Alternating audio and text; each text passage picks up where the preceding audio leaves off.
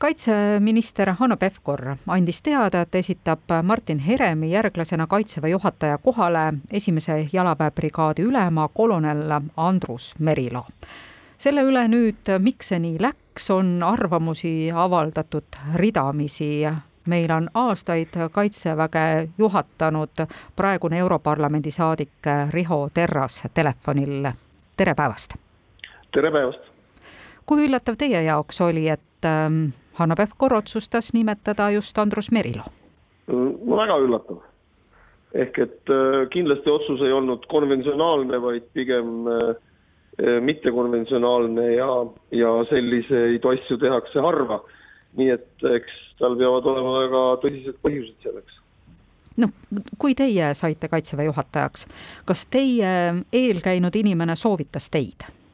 jah, ja, ja ka see kokkulepe erinevate poliitiliste jõududega oli olemas, ehk et et oli, oli, oli räägitud koalitsiooni ja opositsiooniga ja riigikaitsekomisjonis toetati kandidatuuri, nii minu kui ka kindral Heremi kandidatuuri üht, ühiselt, nii et, ähm, et see oli sel hetkel normaalne kuidagi.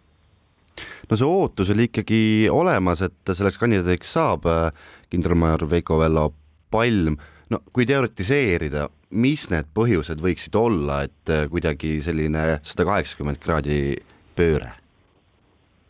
noh, ma arvan, et põhjus oli see, et, et äh, kaitseminister tundis, et ei ole piisavalt toetust, ma ei tea siis, kas koalitsioonis või opositsioonis, sest et kindlasti Veiko Ello Palm või, või kindral Karus või, või kindral Sirel on kõik need nimed, kes on absoluutselt pädevad Eesti Kaitseväge juhtima, nad on tihedalt intensiivselt selle protsessi sees, nad teavad, mis, mis toimub. nii et mis, mis pani teda arvutama koloneli tasemel ehk minna kaks taset allapoole, on mulle ebaselge. No siin on ka avaldatud arvamust, et äh, võiks siis äh, Andrus Merilo sobida ülejärgmiseks kaitseväe juhatajaks? kolonel Merilo sobib äh, on sobinud ja sobib igasse kaitseväelisesse ametisse. Tal on kõik väga kvaliteetne väljaõpe, sõjalise missiooni kogemus, rahvusvaheline kogemus. Ta on olnud eh, pikalt Scouts-pataljoni ülem. Tegemist on erakordselt adekvaatse ja väga hästi kaitseväe struktuuri sobiva ohvitseriga, aga lihtsalt millise sõnumi andis kaitseminister nendele kõrgematele ohvitseridele, kes täna Eesti Kaitseväes teenivad. no positiivne see sõnum ei saa olla, kui nende hulgast äh, tema arvates keegi Kaitseväe juhatajaks ei sobi no üha keerulisemaks läheb muidugi see sellisel juhul, kui nüüd äh, Andrus Merilo osas ei jõuta ka lõpuni kokku, kokkuleppele ja kui pannakse hääletusele, ei saada kinnitust no see oleks katastroof, aga noh, hääletust põhimõtteliselt ei toimu, kaitseväe juhataja ähm, määrab ametisse Vabariigi Valitsus äh, ja kuulates ära kaitsekomisjoni, Riigikogu riigikaitsekomisjoni seisukoha.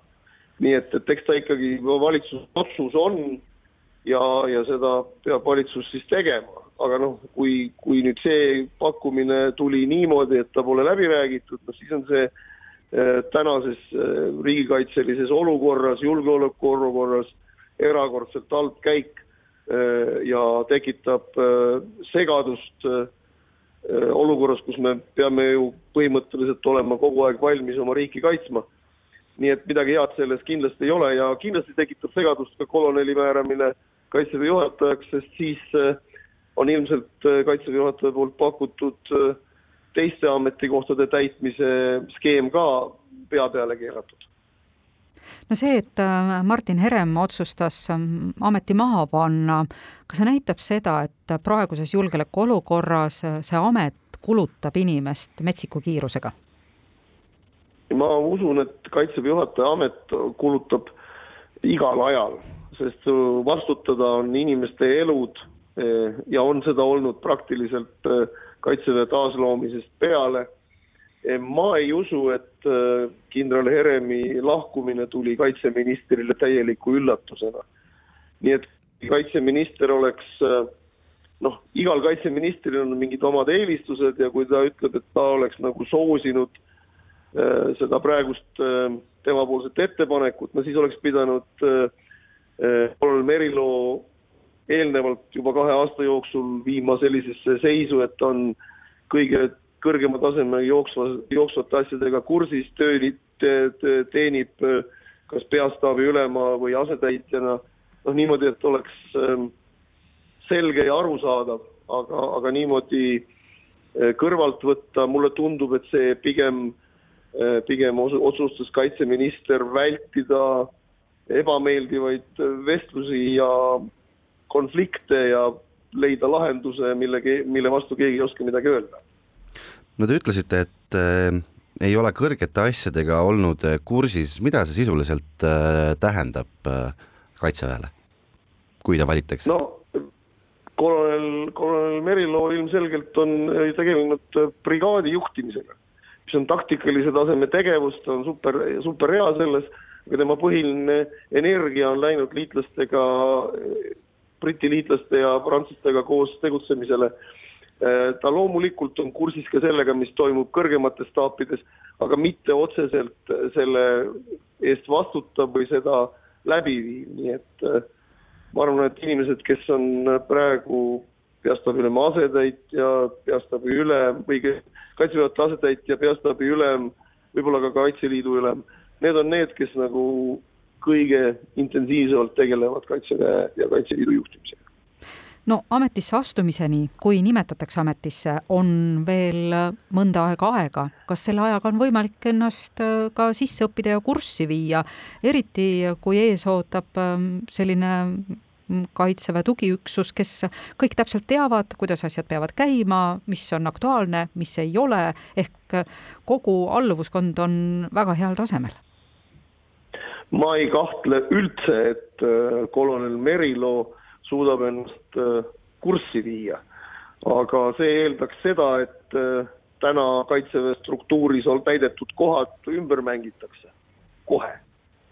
ehk et, äh, et eks seda peab siis kindral Herem otsustama, kuidas ta seda teeb, kui tal, kui, kui see, kui kolonel Merilo kaitseväe juhataja järglaseks määratakse või otsust ära otsustatakse. tänaseks minu teada seda otsust veel valitsuse tasemel tehtud ei ole. kaitseväe struktuuris, kus siiski loeb käsuliin, ei tohiks ju solvumisele kui niisugusele kohta olla?